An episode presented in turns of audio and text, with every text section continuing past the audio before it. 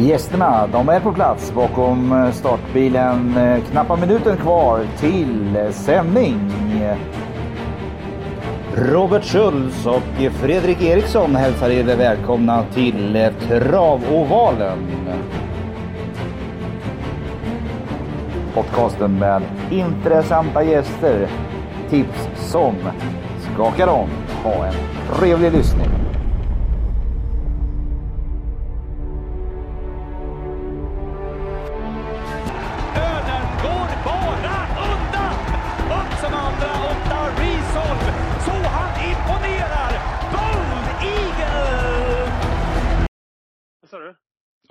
Du som ikväll då, om du har två körningar.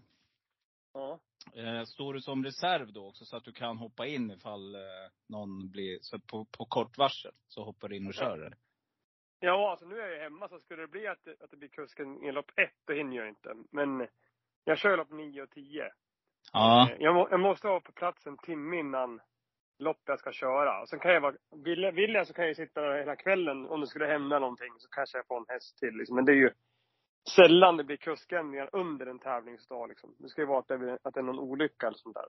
Ja, ja just det. Precis. Så att det händer, eller någon blir försenad har jag också, du vet som det var förr. Ja, det det kunde vara. Ja, ex, exakt. Ja, grymt. Ja, men när vi, vi drar igång Rickard och du ska vara varmt, varmt välkommen till eh, Travvalen och superkul att du ville ställa upp. Inga problem. Ja, eh, lite så här backcheck. Eh, berätta lite om dig själv. Jag ska försöka ställa lite frågor som lyssnarna kanske också har eh, funderingar kring. Men berätta lite om din bakgrund Rickard och hur det här med trav blev en, ditt, om man säger, kall. För det är väl det det är. Ja, nej men jag är född in i travet. Min familj som kommer från Sundsvall har ju varit aktiva eh, så länge det har funnits travbanor i stort sett. De, släkten var redan med på den tiden då man tävlar liksom hem, eller hem, hem från kyrkan och det inte fanns travbanor. Och man sen körde på istrav och, och sen med när Bergsåker byggdes 1932 eller 36. Kommer inte exakt ihåg det. Men det var med, var med från början i alla fall, på Bergsåker. Så det, det finns i blodet hela vägen tillbaka till 1800-talet. Ja, oj oj oj. Här, härligt. Så att eh, du, har, det är, du är liksom tillbaka blodet längre än, än Svanstedt och Berg och grabbarna. Ja, det, alltså, eh, nu är det så att Åkes familj tror jag också höll på liksom, i alla fall hans fa- farsa var ju- på med, med travhästar också tidigare. Så det är lite dålig koll på. Men jag vet att min familj i alla fall har varit med och varit professionella så länge som sporten har funnits liksom i, i Sverige. Så att, det har vi. Ja, så du har travet i blodet. Så, så enkelt är det. Så är det. Mm. Och eh, vilken ålder började du köra då? Alltså började du också den här vägen med ponnykörning eller var det, gick du på hästar på en gång? Bo, ja, både och där. Man ville ju ha en ponny som man kunde tävla, tävla liksom. Man fick inte, fick inte tävla eh, med stora hästar förrän man var 18 när jag började. Så Mm. Man hade ju ponny för att man ville komma igång och tävla. Men jag körde ju stor häst, tror jag, innan jag körde ponny. Och eh, på den tiden när man gick i, i högstadiet så var man ju ofta att man ja, hade håltimme eller, eller såg till så att det var, blev en håltimme. Och var med och körde banjobb då på Bergsåkers travbana som låg bara ett par hundra meter ifrån skolan jag gick på Bergsåkers skola. Så man, man tog alla chanser man kunde och, och köra banjobb åt, åt pappa när man var den åldern. Ja, okej. Häftigt. Vad heter det? Ja, du, du nämnde det där med skolan. Så att för dig var det, var det tidigt liksom att du visste att du skulle satsa på travet? Ja, det, var, det blev så naturligt eftersom att hela släkten har alltid kretsat kring det. Och jag minns när jag spelade fotboll på relativt hög nivå. Men om man kom hem och hade gjort fyra, fem mål så var det ingen som brydde sig där. Men om man istället kom hem och hade vunnit ponnylopp så var det det som var grejen. Så att, ville man ha attention hemma i köket så var det travet som var det viktigaste. Ja, okej. Men på, i skolan då? Hur var det där? Ja, menar du liksom i klassrummet typ? Ja, exakt. Exakt. Ja.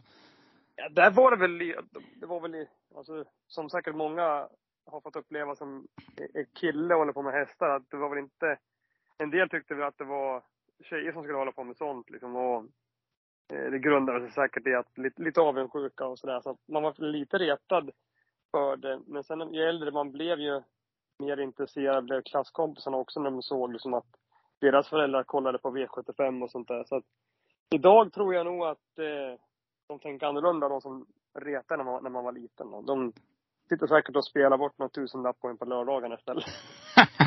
ja, och du kanske vet om att de har spelat på det eller tvärtom och då blir det ändå skönare, eller hur? Ja, ja. Nej, men Ja, det, det är faktiskt några kompisar man hade från skolan som man inte haft någon kontakt med, som ibland dyker upp längs något staket på någon travbana och säger hej. Så att det, det är kul att eh, sporten har ju verkligen tagit sig in i, i stugorna och blivit en folksport liksom, att titta på. Så att, nej, det är kul. Ja. Du, eftersom du har varit med ett tag så vet jag också att det går mycket nu. Eh, det är mycket runt det här med travets vara. Alltså det här med publiken. Det är ett stort tapp. Vi har ju väldigt effektiva tv-sändningar och du är väl också ganska medievan. För du har väl varit med i de här ATG-programmen vet jag några gånger. Har inte du varit med i Vass eller Kass och lite, har lite tippning, tippruta på i ATG och så vidare. Visst stämmer det? Jo, jag eh, gör en del jobb åt ATG ibland när det passar. Och, vilket är kul. Det, är- det är bra tycker jag att man kan bidra till. Vi lever ju på, på att, att eh, folk spelar på oss och då är det ju, tycker jag, att när vi blir tillfrågade att hjälpa exempelvis ATG så är det Mm. bara att ställa upp på det. För att det genererar ju kanske i, i mer intäkter till hela sporten i, i framtiden. Mm, helt rätt.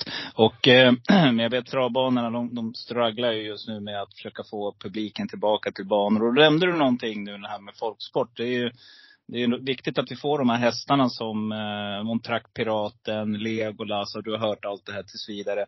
Ser du att det finns någon häst nu idag som är aktiv som du tror skulle kunna liksom axla den här manteln? Jag har ett namn, men jag tänkte bara om du har någon som du funderar på. Ja, men det, jag tror nog att eh, ett ekipage som typ Månlycke AM och Gunnar Melander är sån här, sån här lite, lite folkhäst i och med att det är en, en, en i, i folks, folks ögon lite mindre tränare. Men vi som hållit på ett tag Mm. vet ju vad Gunnar Melander går för. Det är en riktig hästkarl. Så att, men just att han har den hästen och eh, Mm. kallblod tävlar ju generellt lite längre, eller håller högre nivå längre kanske än varmblod. Så att det är väl en, ett ekipage som jag tror skulle kunna vara bra för, för sporten långsiktigt. Ja, helt rätt. Och du, du eh, tog en häst som jag inte tänkte på. Men eh, det är 1-0 till dig där faktiskt. Men jag tänkte ju på just det lite grann det du var inne på. Eh, Sammotör är ju väldigt uppe på tapeten just nu. Men det är en sån där häst som jag följt. För jag gillar liksom hela kretsen kring hästen med, med tränare, eh, Björn Goop och så ägarna där. Som, som är hans farbror va, som äger hästen. Det, det han värmländska. Det påminner lite om Copiado och Erik Berglöf.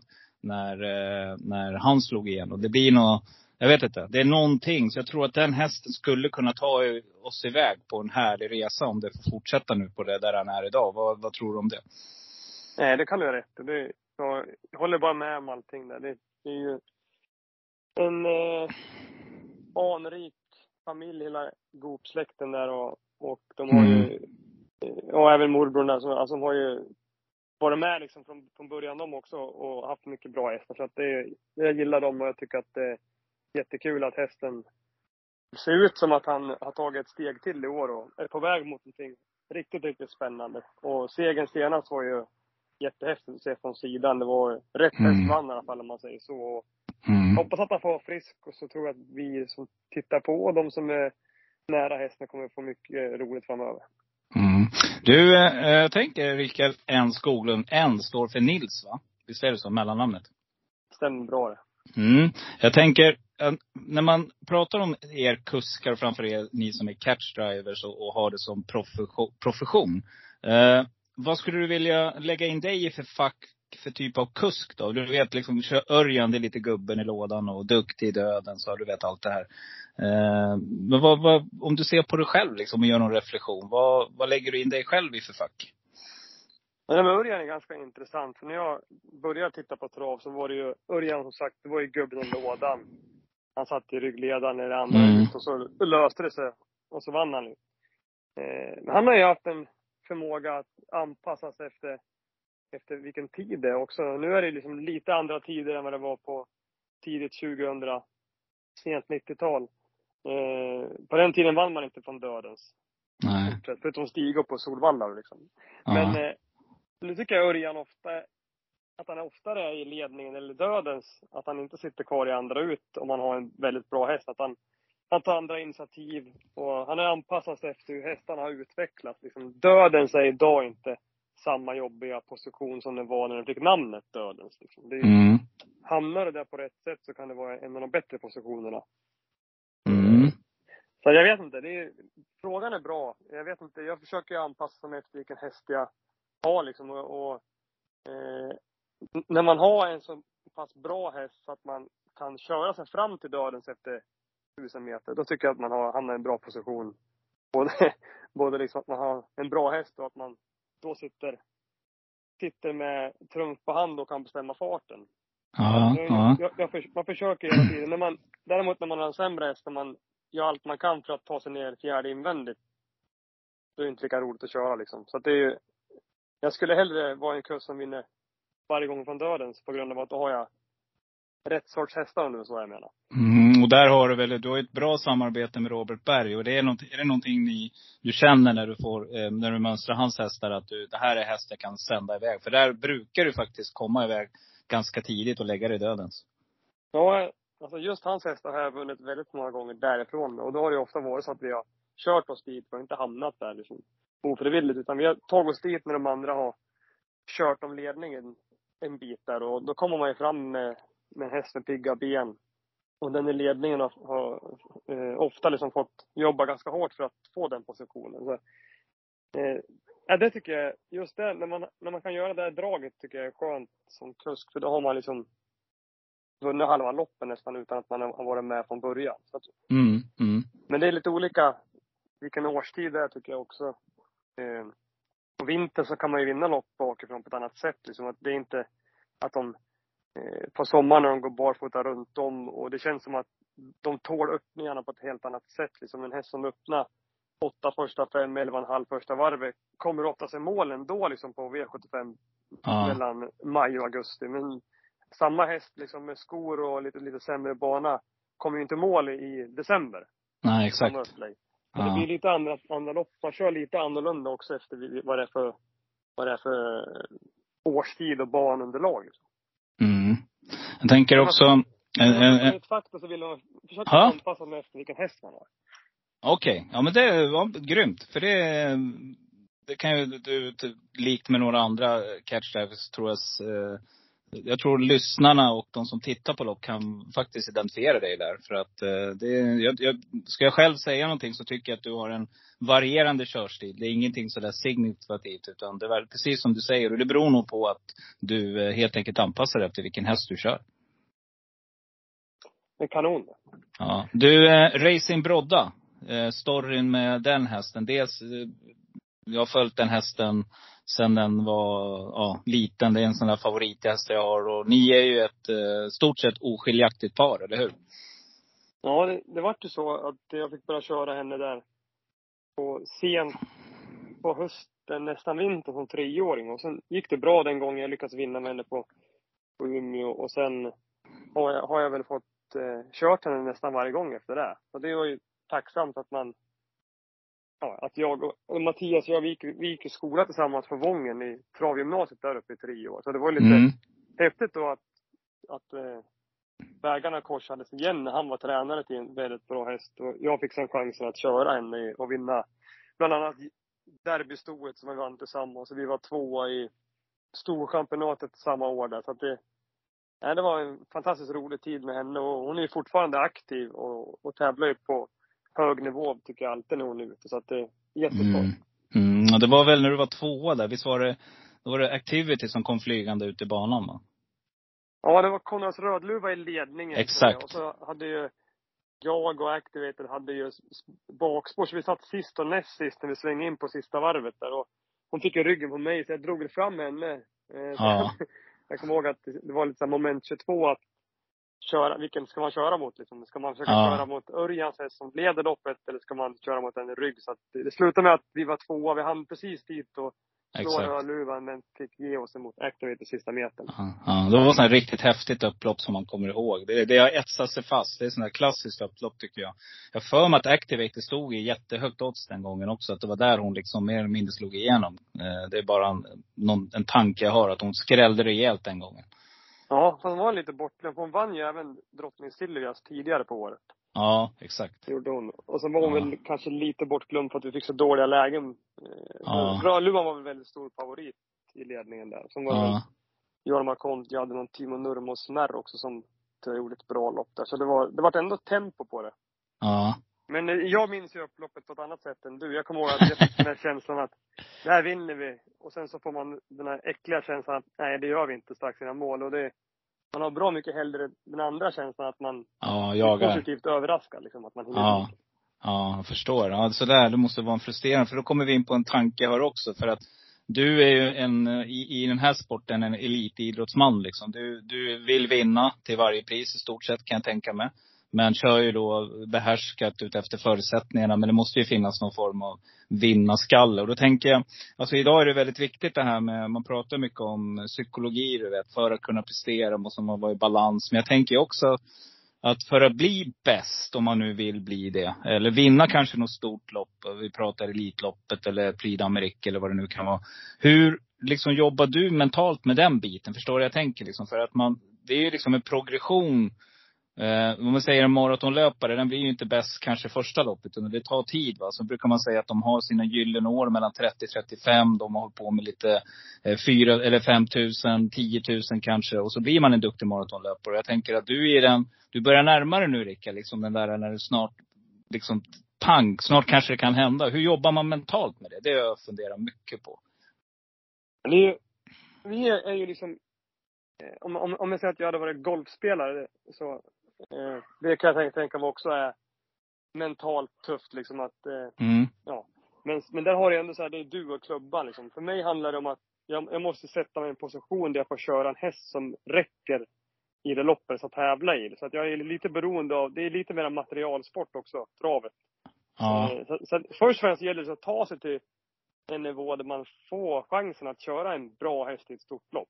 Ja. Det kan ju ta olika lång tid då. En del kommer ju aldrig dit, men eh, och en del de jobbar väldigt länge och slår igenom sent och, vi, och andra slår igenom tidigare. Så det, det är li- lite så här. Jag känner som nu att jag tycker ändå att jag fick ett relativt tidigt genombrott i, i den generation jag är född i. Mm. Eh, Jag är född 89 och vi som var född där och innan var ju som att då var det ju, fick man ju chansen när man var typ 30-35. Så jag fick väl chansen bra många år tidigare. Sen har det blivit att de yngre killarna får chansen tidigare än vad de fick på min tid. Mm. Eh, men jag tycker fortfarande att jag är ung i gamet. Jag är 39 Ja, år. Eh, jag tror, om du kollar på de här bästa som har vi Örjan Kihlström, Jorma Kontio, Ulf Olsson, Björn Goop. Alltså, du är ju, du kan hålla på länge med den här sporten. Liksom. Och, och därför tror jag att, att man kan också bli bättre med åren i och med att man får mer rutin. Man bygger upp ett större kundkrets. Eh, man eh, tar kanske lättare på, eller lättare, man lär sig av misstag på ett annat sätt och lägger, och, ja, man blir bättre mentalt helt enkelt. Mm. Mm. Sen gäller det fortfarande att behålla den där hungern också. Att man vill saker liksom. Exakt. Ja.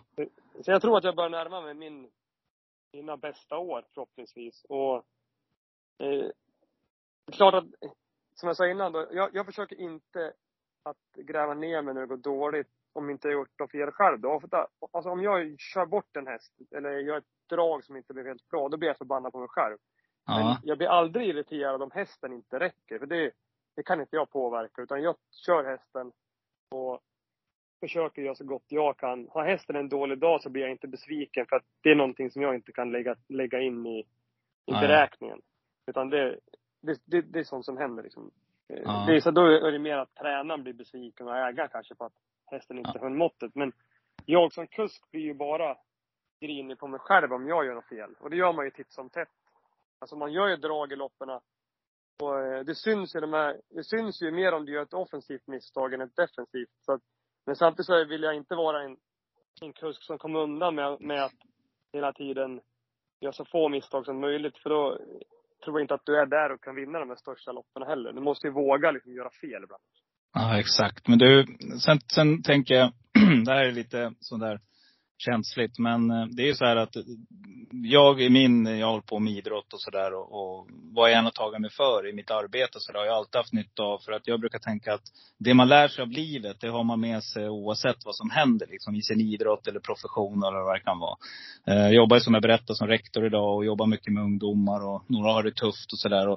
Eh, jag likt sig, när jag var 14 år så förlorade jag min pappa hastigt Mm. sådär. Och eh, det var tufft som tusan. Och du, jag läste dina texter om det där. Jag förstår precis vad du menar med den där tomheten som finns. Den där ja, självklara som alltid har varit där och stöttat den och funnits där och kört den till träningar och hela den där biten liksom. Och både jag och brorsan fick det tufft liksom. Så jag förstår det. Jag tror att man motgångar lär man sig att ta. Och vissa grejer gör att man kanske till och med blir lite, lite tuffare också. Förstår du vad jag menar? Man får ett skal som är, man lär sig att hantera vissa motgångar.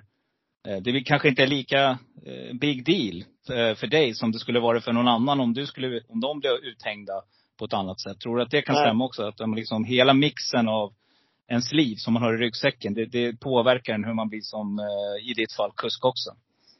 Absolut. Och så det är som, som du är inne på att allt som händer, liksom bra och dåliga saker, får du med dig på något sätt i den- här ryggsäcken. Och vissa saker tar större plats än andra.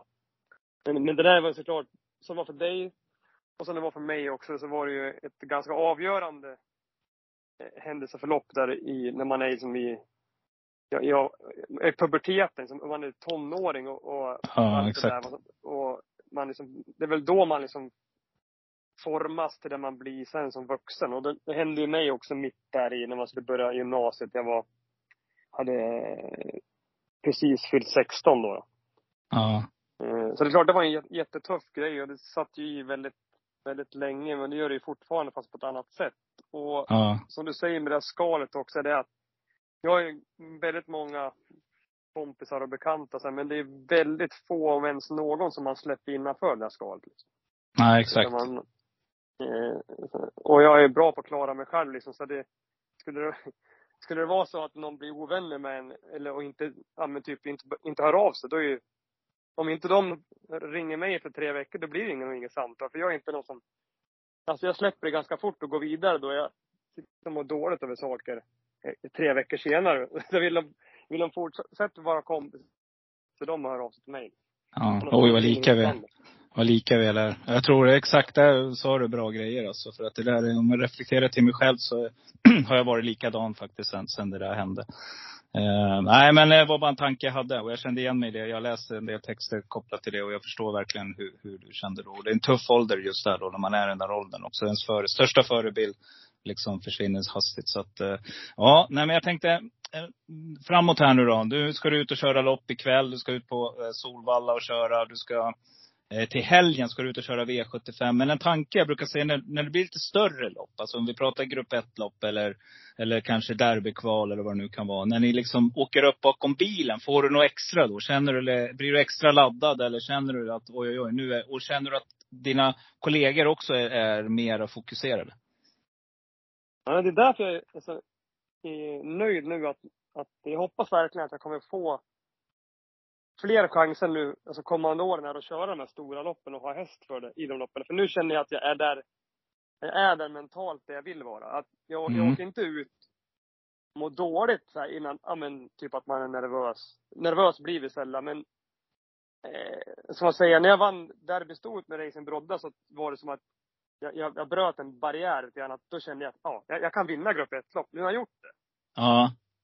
Och sen har jag vunnit Grosser Prize från Deutschland och nå- något Svampen och något till grupp 1-lopp. Men jag tycker inte jag har haft liksom, efter Racing Brodda, så chanser i de här loppen. Jag hoppas jag kommer få det, för nu vet jag ju att, alltså, att jag tacklar det. Ja. Och det är väl klart att det, det, det som är skillnaden är väl när vi åker ut, att man är kanske lite mer fokuserad, lite mer påläst och har lite mer koll på vad de andra gör i loppet och, och även innan lopp i provstart och grejer. Att man är lite mer liksom där. Att, Ja. eh, det blir lite mer som, en- som att gå till jobbet en vanlig lunchtävling på typ Bollnäs eller Bergsåker. Men när det är grupp 1-lopp så tycker jag att, att, att alla liksom höjer sig. Och en Ja. del de blir ju sämre när det blir stora lopp. Och en del Ja. blir bättre. Ja, jag nämnde det för dig lite snabbt idag. Jag hade ju Park Nilsson som gäst som refererar Elitloppet och på många andra banor dagarna. Jag frågade just den gången också. Känner du något extra? Och då ville han säga, nej men det är ett jobb för mig. Och, jo men det är väl klart, sa han, att det, när, när, när det är Elitloppet så är det klart att det blir fjärde mage. Nu hörde man ju när Samotör vann. Då var han ju, det är ju en annan Patrik Nilsson vid ett sånt lopp än det är en va, ett vanligt lunchtrav. Ja, absolut. Så att, eh, det, det, vi blir nog påverkade allihopa. Och det blir vi spelare också när vi ser de där loppen. Det, man ser att det är något magiskt som är på gång. Liksom. Det ser man på er också. Att nu är det, nu är det allvar. Nu är, nu är hästarna på, på eh, ställda här. Så nu jäklar ska det bli race. Men, men sen vill vi alltid göra så bra jobb som vi bara. Ja, Även självklart. med, lunchdag på Bollnäs. Men det blir det här, Ja. ja det är väl lika för alla liksom. Att det är något speciellt så det vore konstigt om man inte, om man inte liksom var mer med i stunden. Som du säger, man är, man är, man är vaken på att nu kan det hända. Nu kan det skrivas historia liksom. det Ja, skrivs exakt. historia oavsett om du vinner eller inte. Det är, det är någon som vinner de här stora loppen. Japp. Ja, det är häftigt. Eh, innan vi går in på veckans omgång, Rickard, så tänker jag. Eh, om du fick välja ett lopp att vinna, jag brukar ställa den frågan. Vilket lopp är det, det du skulle helst av allt vinna? Jag, jag har två svar på den här frågan. Så det, det, det ena är såklart Elitloppet. På grund av att eh, Elitloppet är vad det är i Sverige liksom, och varumärket ute i världen. Och mm. de man, de man har sett vunnit och allt runt omkring. Så förstår man ju att det är en fantastisk grej att få segerrefilera där inför ja, elläktaren en, en solig majdag liksom. Så det är klart att det är ett lopp man absolut skulle vilja vinna. Men sen har jag alltid sagt, ända sedan min pappa gick bort, att kallblodsderbyt Okej. lopp som jag skulle vilja vinna för, för honom då. Alltså, det var ett lopp som han ville, verkligen ville vinna och var favorit i, vid ett par tillfällen, men inte lyckades vinna. Nej. Eh, Så det hade också varit kul att gjort det. Eh, Ja. Att jag sagt det sedan den dagen det hände då. Så det är de två loppen som är mina bucket list. Ja, man vet. Jan-Olof Persson kanske lyssnar på det här och, och, och nästa år så får du sitta upp bakom storfavoriten. Man vet inte. Jag vet att Eh, någon gång ska vi- lösa det. Ja, häftigt. Ja, men kul Rickard. Nu, vi går in på veckans omgång här då, för du ska få släppas vidare. V751 har du ingen uppsittning. Vi ska ju till Bergsåker och den banan känner du såklart oerhört väl. Men i V75 2, där kör du väl den häst som är mest betrodd, i alla fall just nu av dem du ska styra. Eh, nummer tre, High On Pepper, med, som Katja Melko tränar. Vad vet du om hästen? Och ehm, eh, hur tänker du? Tror du att du, kör du till ledningen här eller kommer det att bli tufft? Vi Jag ska se här. Vi får se. Hon har ju ett, ett bra spår.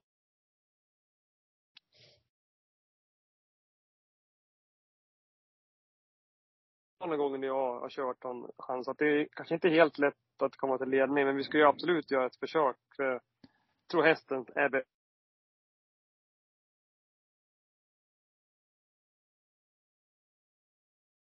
Provar i alla fall.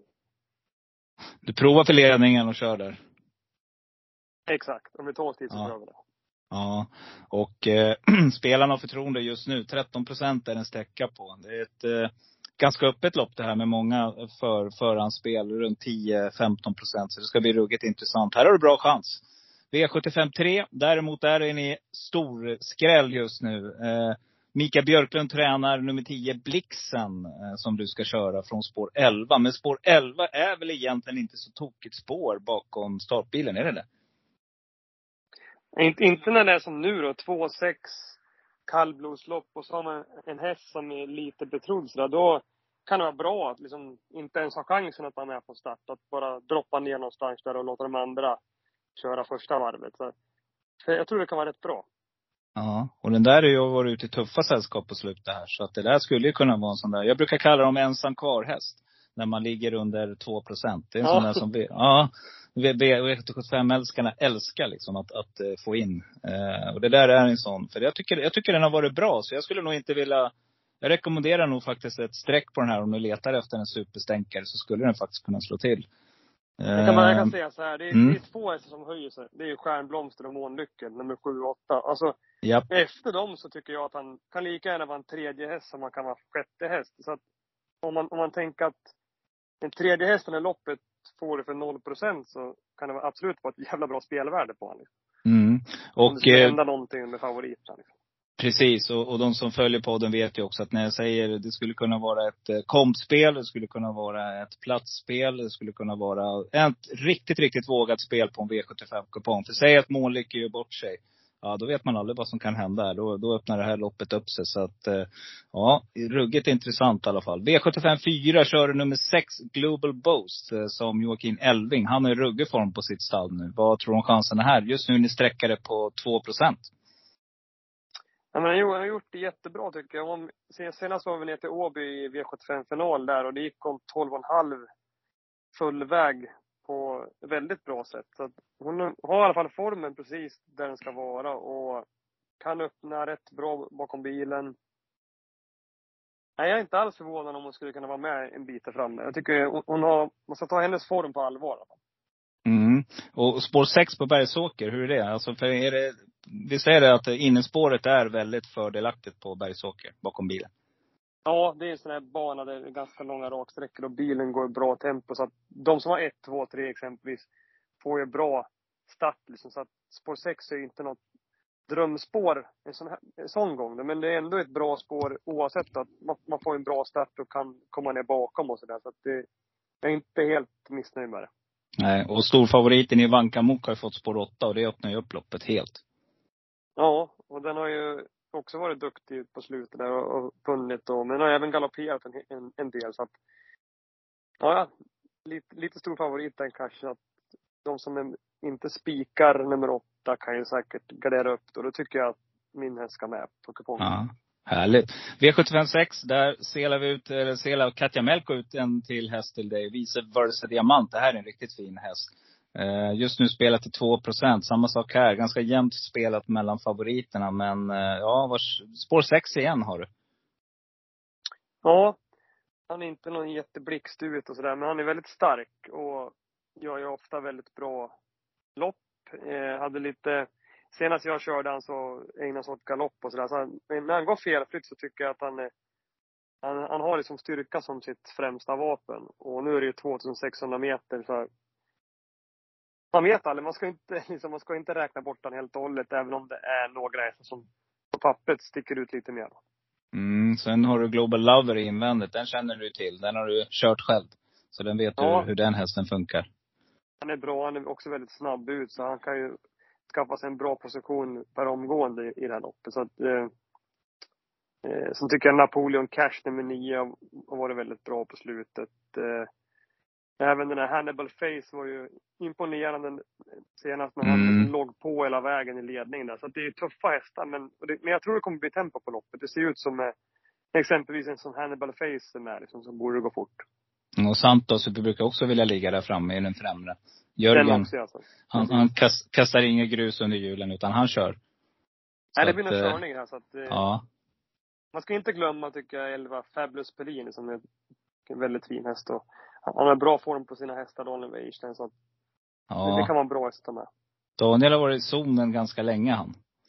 Ja. Uh, han har varit med i podden tre gånger tror jag också. Så att en flitig gäst för våra, våra lyssnare. Nej men det, uh, vi har kommit fram till V75 7 och här kör du då en, en uh, riktigt, riktigt fin häst. Fredrik B Larssons Million Dollar Rhyme. Där han kanske satt och slaggade lite grann Fredrik och tappade segern sist.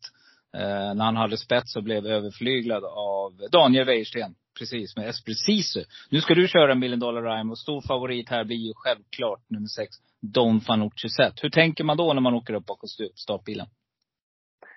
Ja, nu är det ju en häst som jag har sett tävla jättemycket men aldrig kört. Så det blir spännande okay. att köra hästen, Million mm. Dollar Rhyme. Vi har ju ett bra spår här, spår fem. Hade ju lika gärna kunnat, det hade kunnat vara mycket värre liksom, om man säger så. Ja har ju några startsnabba hästar innanför oss, jag tycker Money Viking kan jag inte riktigt hur den kan öppna från ett, men den är inte jättedålig ut. Men Make the Mark, Best of Dream 3 och bra Bill kan ju alla flytta på sig. Och utifrån också är snabba hästar. Så det kommer nog bli körning. Eh, man får ju se lite grann där. Prata med tränaren vad han tycker. Kolla lite hur de andra uttalar sig i olika tidningar och lite lopparkiv. Så att jag har inte lagt planen än hur vi ska köra loppet. Men först i mål är i alla fall målsättningen. Ja. Ja, ett häftigt lopp och det måste vara lite, och just där ligger du bakom storfavoriten och Elitloppsvinnaren och eh, Eh, tippade Elitlopp så innan förra året, det var en galopp där ju. Eh, är det någonting man tänker på när man ligger bredvid en sån häst också? Eller är det man bara så fokuserar på sin egen just där och då? Nej, man vill ha, det är bra att veta vart han är någonstans. Så nu har man ju full koll på ja. Sen är det ju, i sånt här läge också, om du, om du säger att du vill ha ryggledaren på en sån så är det ju perfekt läge för mig att ha den på utsidan och man kan, om man kan lyckas ta sig först där. Sen, det finns må, många olika sätt att vinna ett lopp och ännu fler att förlora ett lopp, brukar jag säga. Så det, ja. vi får se hur det här kommer bli kört. Men det, det är klart att jag tror Örjan kommer vara offensiv också, vara med tidigt i loppet liksom. Och det är väl en ganska stor risk att han sitter i ledningen tidigt där om det inte... Det var synd för loppet att Stole Show fick bakspår tycker jag. Ja, det är väl nummer tre eller Best of Dream Trio, hur Kim tänker och hur man vill göra. Killingmo eller Killingmo, hur man uttalar efternamnet där. Det är väl det som avgör loppet, kan jag tänka. Liksom. Vill han köra där, då kan det bli riktigt häftigt tror jag. Då är det några stycken som ligger där i draget. Ja, han kanske uttalar kill, Killingmo på lördag då, får hoppas. ja, det är grymt. Vi avslutar med det Rickard. Och jag vill tacka dig sjukt mycket för att du ville ställa upp och önska dig inte bara lycka på i loppen och, och hästlivet utan övrigt också. Och jag hoppas verkligen att vi, du vill komma tillbaka till oss eh, lite senare. Kanske för något lite större lopp när du ska vara med och köra. Det gör jag gärna. Inga problem. Superkul Rickard. Och jag skickar podden så fort den är klar så du får någonting att lyssna på när du är ute och reser längs vägarna. Ja, det tackar vi för. Super. Lycka till. Ha det gott. Detsamma. Ni som lirar också. Lycka till på lördag. Ja, tack hej. Pengar rullar in som det ska. Det går bra. Nu Hennes limonett i mitt glas. Det går bra. Nu Rysk kaviar på mitt fat. Det går bra nu. Det går bra nu kompis det går bra nu. Pengar rullar in som det ska. Det går bra. Nu Grabbarna är med när jag drar. För det går bra nu. Släng upp en hand om du känner det. Går bra nu. Det går bra nu kompis det går bra nu. Det är bra, jag har fått i mig fem bärs och en oxe. Åh fy fan. Åh, en oxe. En oxe. Ja, en oxe. Det är grymt det. Då, Eriksson, då ska vi se till att sätta dem den här gången, eller hur? Mm. Nu jobbar vi, jobbar vi Jo. på att ta hela potten va?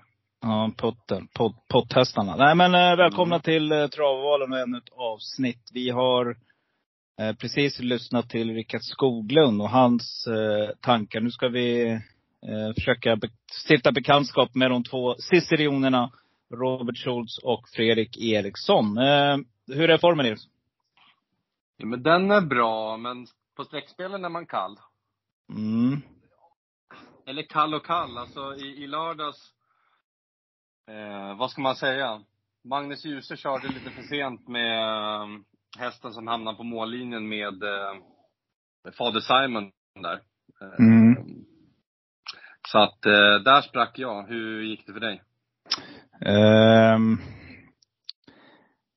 sådär, eller i lördags. Det var nog ett av de sämsta på länge. Faktiskt. Eh, där, ja, det var katastrof. Jag var tvungen att tänka efter. För jag hade ju söndagen i minne. Där var vi helt rätt ute, jag och eh, Ja, norrländska. GS ja. Mm. Det är så sjukt va, för att vi är så nära att ta med Dear Friend. Vi pratade om den. Alltså, ska man gardera med någon, då tar man med Dear Friend och vet, bla bla bla. Ryggledaren och jada jada. Ja, exakt. Och eh, ni vet, den där tar jag alltid med ju, om jag garderar. Jag hade med den på V4. Hur som helst så valde vi så här, för en tanke var ju att spika Konrad i loppet innan. Eh, med den där andra kanonen han hade ute. Fin häst. Ja, mycket eh, som han var fin. ute. Ja, riktigt fin. Men vad tror du händer då, Eriksson? Alltså vi hade ju en miljon häst som ledde på upploppet, men vi hade ju inte med ljus. så vi hade ju Nej. spruckit i alla fall alltså. En observation är faktiskt att man ska hålla utkik efter, efter The Flying Eagle. Eh, den, den skojar man inte bort i, i ledningen som den var på, på um, Vaggeryd. Nej, men det var, ja, det var, var lite tur för oss ändå att den inte höll hela vägen skulle jag vilja säga. Jo men The. Flying Eagle höll ju hela vägen. Ja, men vänta här nu ska du se på fan. Det var inte den som ledde, så det. Jo, den gick i ledningen. Lucifer Sam vann. Och du Ja, menar det är Fly... sista. Ja, The ja, du Flying menar du Fly... Ja, ja, ja, ja, ja, ja. Mm. Nu är jag med. Det var inte, jag pratade om sista ja, Lucifer Nej. Sam. Magnus och Djuse. Mm, jag, jag förstår. Ja. Jag, nu Ja. hänger jag med. The Flying Eagle tror jag man ska hålla lite ögonen på. Det är en ung häst som eh, är superfin. Mm. Mm. Den är riktigt bra den där. Eh, Jaha, nej men alltså som du sa, jag får in lite spel här och där också. Finansiera och jag går väl runt liksom. Men mer är det inte. Och det är, nej, det är supertråkigt. Men nu, nu jäklar ska vi försöka sätta en sjua Eriksson. Och eh, vi drar igång tycker jag direkt. V751.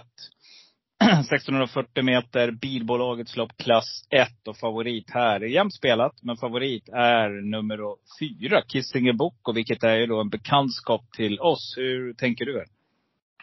Jag kan väl börja här med att alla som tycker det är kul att spika första så tror jag att Kissinger Boko. Jag gillar verkligen hästen och jag gillar snacket som vi har fått höra från kretsen. Det är ju Andreas Dunder som är här hos oss på Travovalen som, som äger och brorsan Robert Dunder som, eh, som är tränare. Det skadar ju inte att eh, grupp 1-kusken eh, Björn Goop hoppar upp, eller?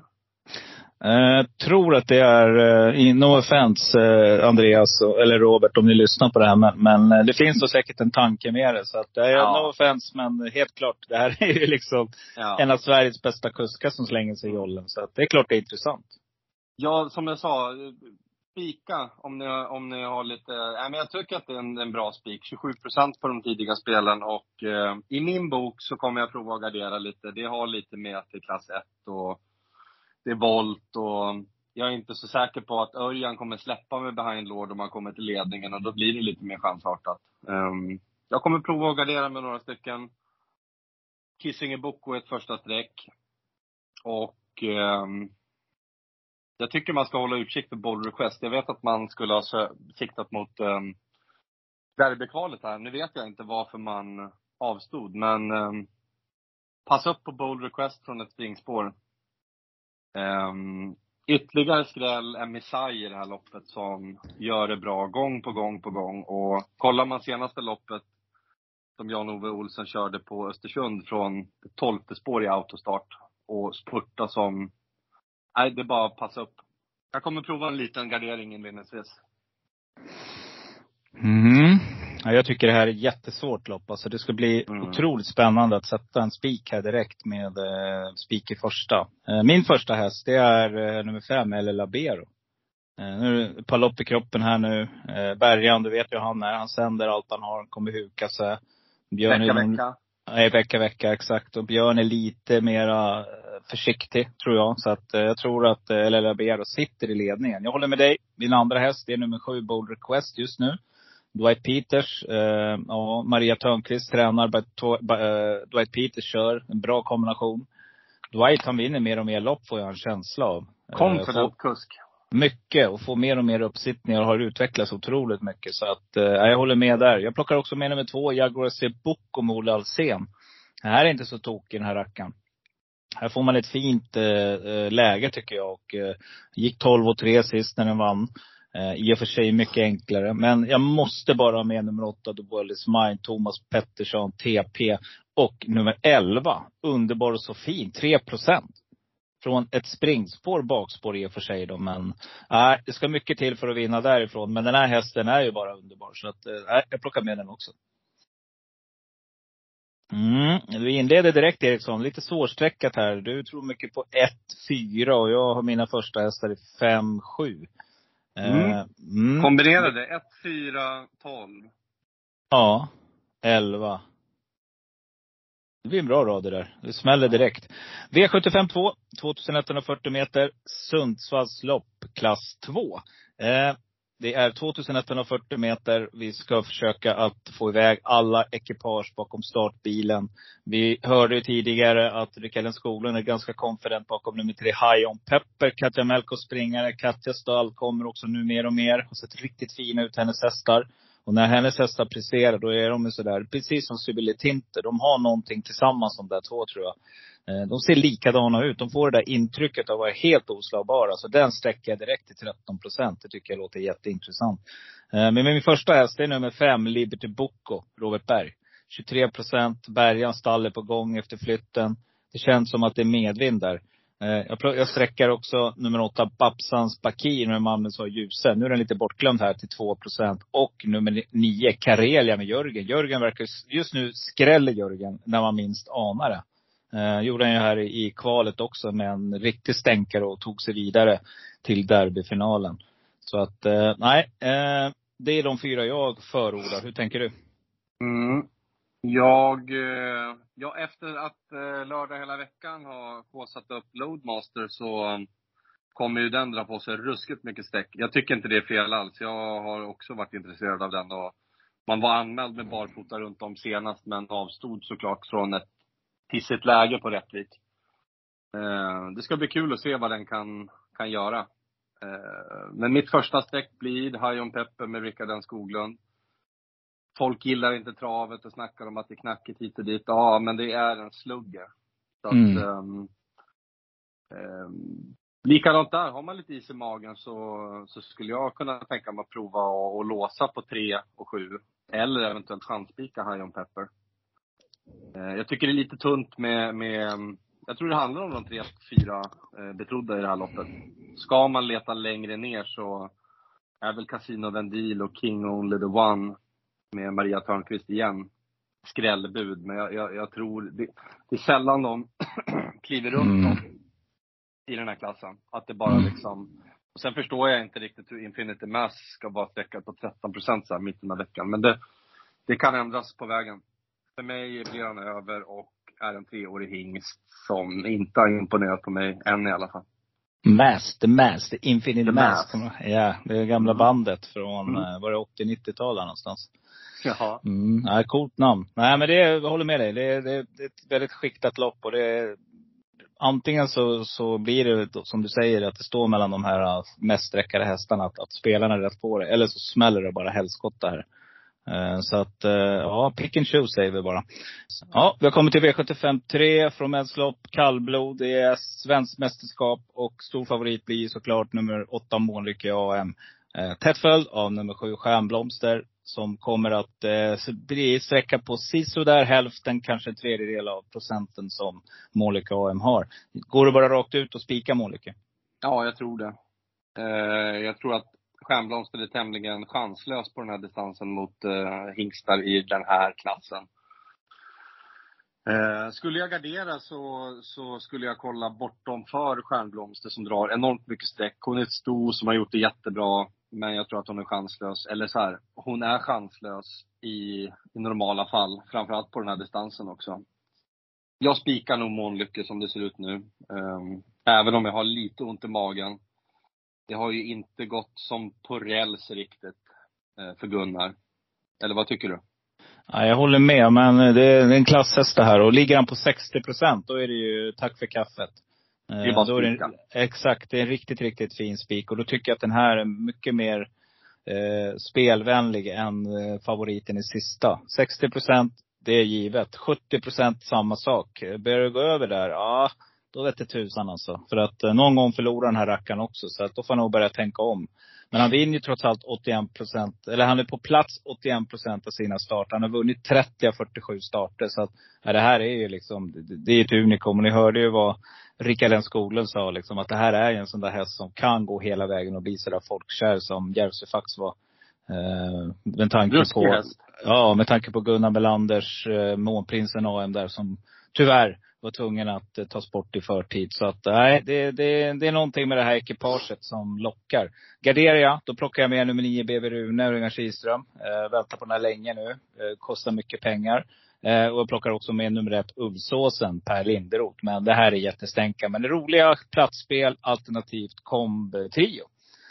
V75 4, 2140 meter diamantstot. Och eh, favorit här kommer nummer åtta, Ivanka Amok från ett byngligt läge att bli med, med Magnus A. Djuse. Nej, jag går nog på det vi pratade om tidigare här. Eh, jag tror att det är en favorit i fara faktiskt. Eh, dels är det det här med att resa och Nurmos. Nu ska han upp till Bergsåker. Och mig veteligen så tror jag att hans hästar brukar ha lite svårt där. Jag vet inte om jag har rätt, men det tål sig att, att kolla upp i alla fall. Nej, jag garderar. Kommer absolut ta med nummer 11, Loaded Leila, som jag tycker är en riktigt bra häst. Den eh, ska med tidigt. Samma sak med Infinity Sisu med Oskar Andersson. Och letar ni skrällar, då finns det gott om de här. Eh, ta med nummer 5, Golden Opportunity, Troels Andersen. Eh, den här är bra. Eh, jag hade också, om jag hade letat skräll, tagit med nummer 9, Vilja TYC. Kommer du ihåg den Eriksson? Mm, Den här är inte dålig. Ja visst, Stefan Arvidsson tränar den här. Nej, den plockar jag med. Hur tänker du? Eh, nej men för mig är Ivanka Amok en utgång, en eventuell spik i det här gänget. Det är en spårtrappa. Hon har, eh, alltså hon gjorde det så jäkla bra på jubileumspokalkvällen. Hon eh, rundade hela fältet på slutvarvet och vann på en 1.11 tid. Nej, hon är skitbra. Jag, jag, det är ingen som kommer ta emot henne invändigt. Hon kommer sitta i ledningen efter 500 meter. Där bakom så har jag en klar rank 2 och den har jag jagat. Special Top Model var ute och fick vinna i Finland. Dwight Peters kör som sagt för dagen ruskigt bra. Och eh, ja, spikar jag inte, då låser jag på eh, Ivanka Amok och Special Top Model. Så stänger jag Mm. den och går vidare. Eh, nej, spår 8 Bergsåker, inte alls bra. Eh, Spårtrappa ja, eh, det känns lite så här, eh, men ändå bakom bilen där. Jag, nej, det är riktiga varningsklockor här alltså. Här kommer det hända saker. Jag måste nästan be, be, be, trycka på lite här för att jag tror att eh, det här är favorit i Fala. Bara att kolla på nummer 6, Global Bow, som Rickardsson Skoglund kör. Den gick 12 och 5 utan bistart sist. I ett ganska tufft gäng och var fyra där på 220 000 i första pris. Jag rankar dem likvärdiga prestationer. Så att, eh, nej, jag eh, tycker det här är superbra alltså. Och eh, vi glömde nämna sådana hästar som Eh, vad sägs om Juno Beach och Önas Py till rena, rena fyndoddset. Så att, eh, vi sträcker vidare. V755, 640 meter, silverdivisionen. Eh, här kommer en riktigt fin häst ut som vi gillar. Och det är nummer ett, Evens Cool Boy, Robert Dunder, som är favorit. Och nu tror jag att jag hakar på och eh, rankar Mr Dunder som etta. Hur gör du? Um, jag önskar all lycka till Andreas och Robert. Men Parkview är ruskigt snabb. Jag tror att det kommer köras väldigt mycket inledningsvis här. Jag tycker det är skitintressant med Dwayne Sett som ska gå med bike barfota och så tror jag att de ska ändra huvudlag till den här starten och köra ett helstängt. Jag tycker det luktar körning inledningsvis och kommer Even Schoolboy till ledningen, då hoppas jag att man kör där och eh, jag tror inte man gör någonting annat. Ska de gå barfota runt om så är det extra intressant. Jag tror inte det är bekräftat än, men eh, håll utkik. Even Schoolboy ska ju självklart med, men eh, jag gillar Dwayne Sett, jag gillar Gooner som gjorde det bra senast på V75 även fast jag har satt frågetecken på Moritai Degato här som har varit ute i Monté. Nej men på riktigt, vi, vi surrade om det här. Jag är inte riktigt ett fan av att de börjar gå Monté. Jag tycker det, ja, jag vet inte. Men till 5 på en gardering så tycker jag att den ska med på kortdistans.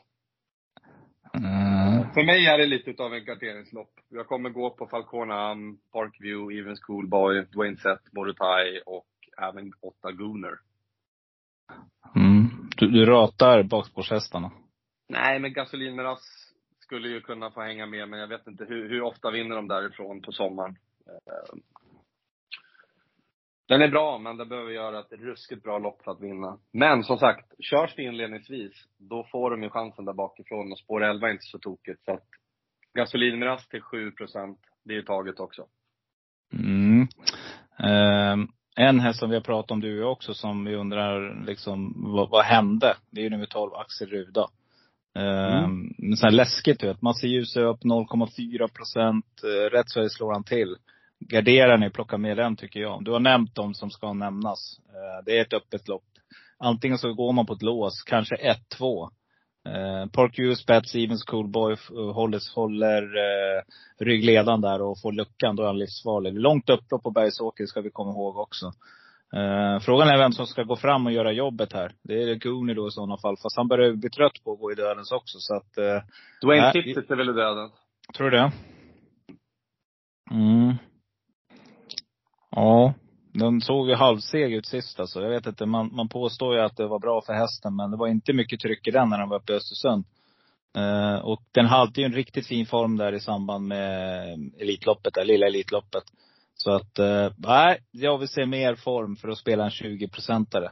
Eh, jag, eh, ska ni veta det riktiga skrällar, då är det nummer 12 Axel Ruda tycker jag som är klart intressant. Eh, sträcka också nummer 10 Cash Cowboy. Jag vet, det är en spetshäst. Men det är en sån där läskig. Eh, den här hästen kan allt vissa dagar. Men Morotai Degato fortsätter. Jag följer. Det är bra att du inte släpper den Eriksson, det har vi pratat om. Eh, 6 procent, 5-6 procent på den, det är rena fyndet. För rätt så det är så lever den upp till det den kan. Och då kan den absolut slå ett sånt här gäng. Glöm inte att den har varit spelad mot tuffare hästar tidigare. Så att, eh, Nej, de där plockar jag med, helt klart. V75 6. Vi har kommit till Sundsvalls bronsdivisionen. Eh, Mittoljors Och det är 2640 långt här också, bakom bilen. Och eh, favorit här är just nu ett jämnt spelat lopp, nummer sju faktiskt. Santos de Castella. Är 0,003 procent mer spelare än Hannibal Face. Eh, Ja, jag tror jag vet vad du ska säga men eh, jag, du får vänta lite Eriksson för jag ska, jag ska vara först här. Nej, jag Ja. tycker intrycket sist, det här kommer bli körning. Ruggig körning kommer det bli. Eh, jag tycker det är en häst speciellt som är väldigt bortglömd. Eh, nej, jag tror att det här, här hittar vi vinnaren i den som är lite kall och eh, spurtar bäst. Det tror jag helt klart. Nummer tre, Abis Vaisas, Björn Goop. Alessandro Gocciadoros hästar vet man ingenting. Är det upp, fågel eller fisk? Det här kan vara fågel, så att eh, den sträcker jag till 3-6 procent just nu. Klart intressant. Nummer fem, Global Lover. Helt bortglömd. Nu är det vecka, vecka igen här och eh, den här hästen är riktigt kapabel och startsnabb är den också. Så att eh, kan få en fin resa här. Den sträcker jag. Eh, eh, nummer nio, Napoleon Cash kan ju få loppet. Eh, jag tror till och med faktiskt att det är min första häst just nu i dagsläget. Eh, jag vet att det är Nurmos och det är långresa, men det här är andra förutsättningar. Här kan man ligga i draget på startsnabba hästar och eh, om man, om man väljer, i och för sig startsnabba är det inte, för Sarfage ser inte så jättesnabb ut. Men ett bra lopp kommer han få i alla fall, Napoleon Cash. Men glöm inte, här har vi eh, nummer 10, Missing Toma, Pau Mahoney. Den här rackaren. Eh, ja du, den har man suttit och, och varit livrädd för många gånger. Och nummer 11, Fabulous Pellini med Daniel Wäjersten till 11 procent. Det är riktigt fina eh, procent på de hästarna. Hur tänker du? Jag tycker att eh, Hannibal Face i Oskar Berglunds regi blir livsfarlig här. Eh, jag tror att han kommer dansa igenom brons, ärligt talat. Jag börjar med att sträcka ner Hannibal Face. Jag håller 100% med om Abbas Wise Ass med toppläge. Eh, på Axevalla så spurtade man in och gjorde ett bra lopp på, på 26.40 Mm. eh, som trea. Jag tycker den är jättespännande och eh, guldhjälmen får styra innan. Eh, tredje sträcket blir väl Global Lover vecka, vecka. Eh, jag tycker det är super, super intressant att han fick en genomblåsare på kortdistans. Eh, jag var lite sugen på Global Lover senast och så här efter loppet direkt så tänkte jag, äh vad fan. Men när anmälningslistorna kommer och det är längre distans som den gillar, superintressant. Mm. Eh, Ja. Kanske det roligaste platsspelet i omgången, det kan vara Special Major som ska gå barfota runt om, som fick vinna nu i, eh, i Finland. Ja, just det. Ja. Så att passa upp där för er som vill ha ett, ett roligt plats. Ja, spännande lopp.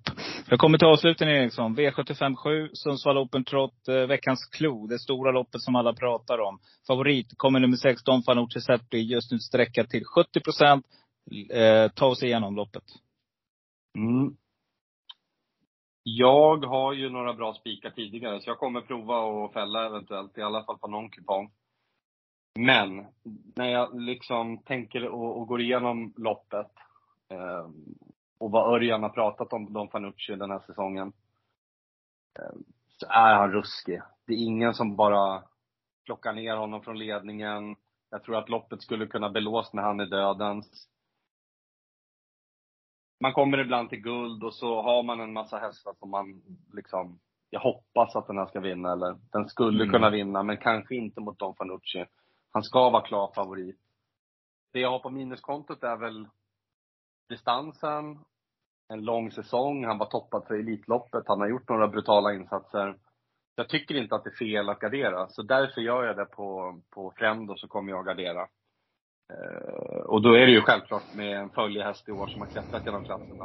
Eh, Best of Team 10 borde sitta i ledningen och får jag bara bekräftat att man kommer köra där så tycker jag det är super, super spännande. Mm. Ehm, men jag garderar vidare med Brother Bill som har utmanat Don Fanucci.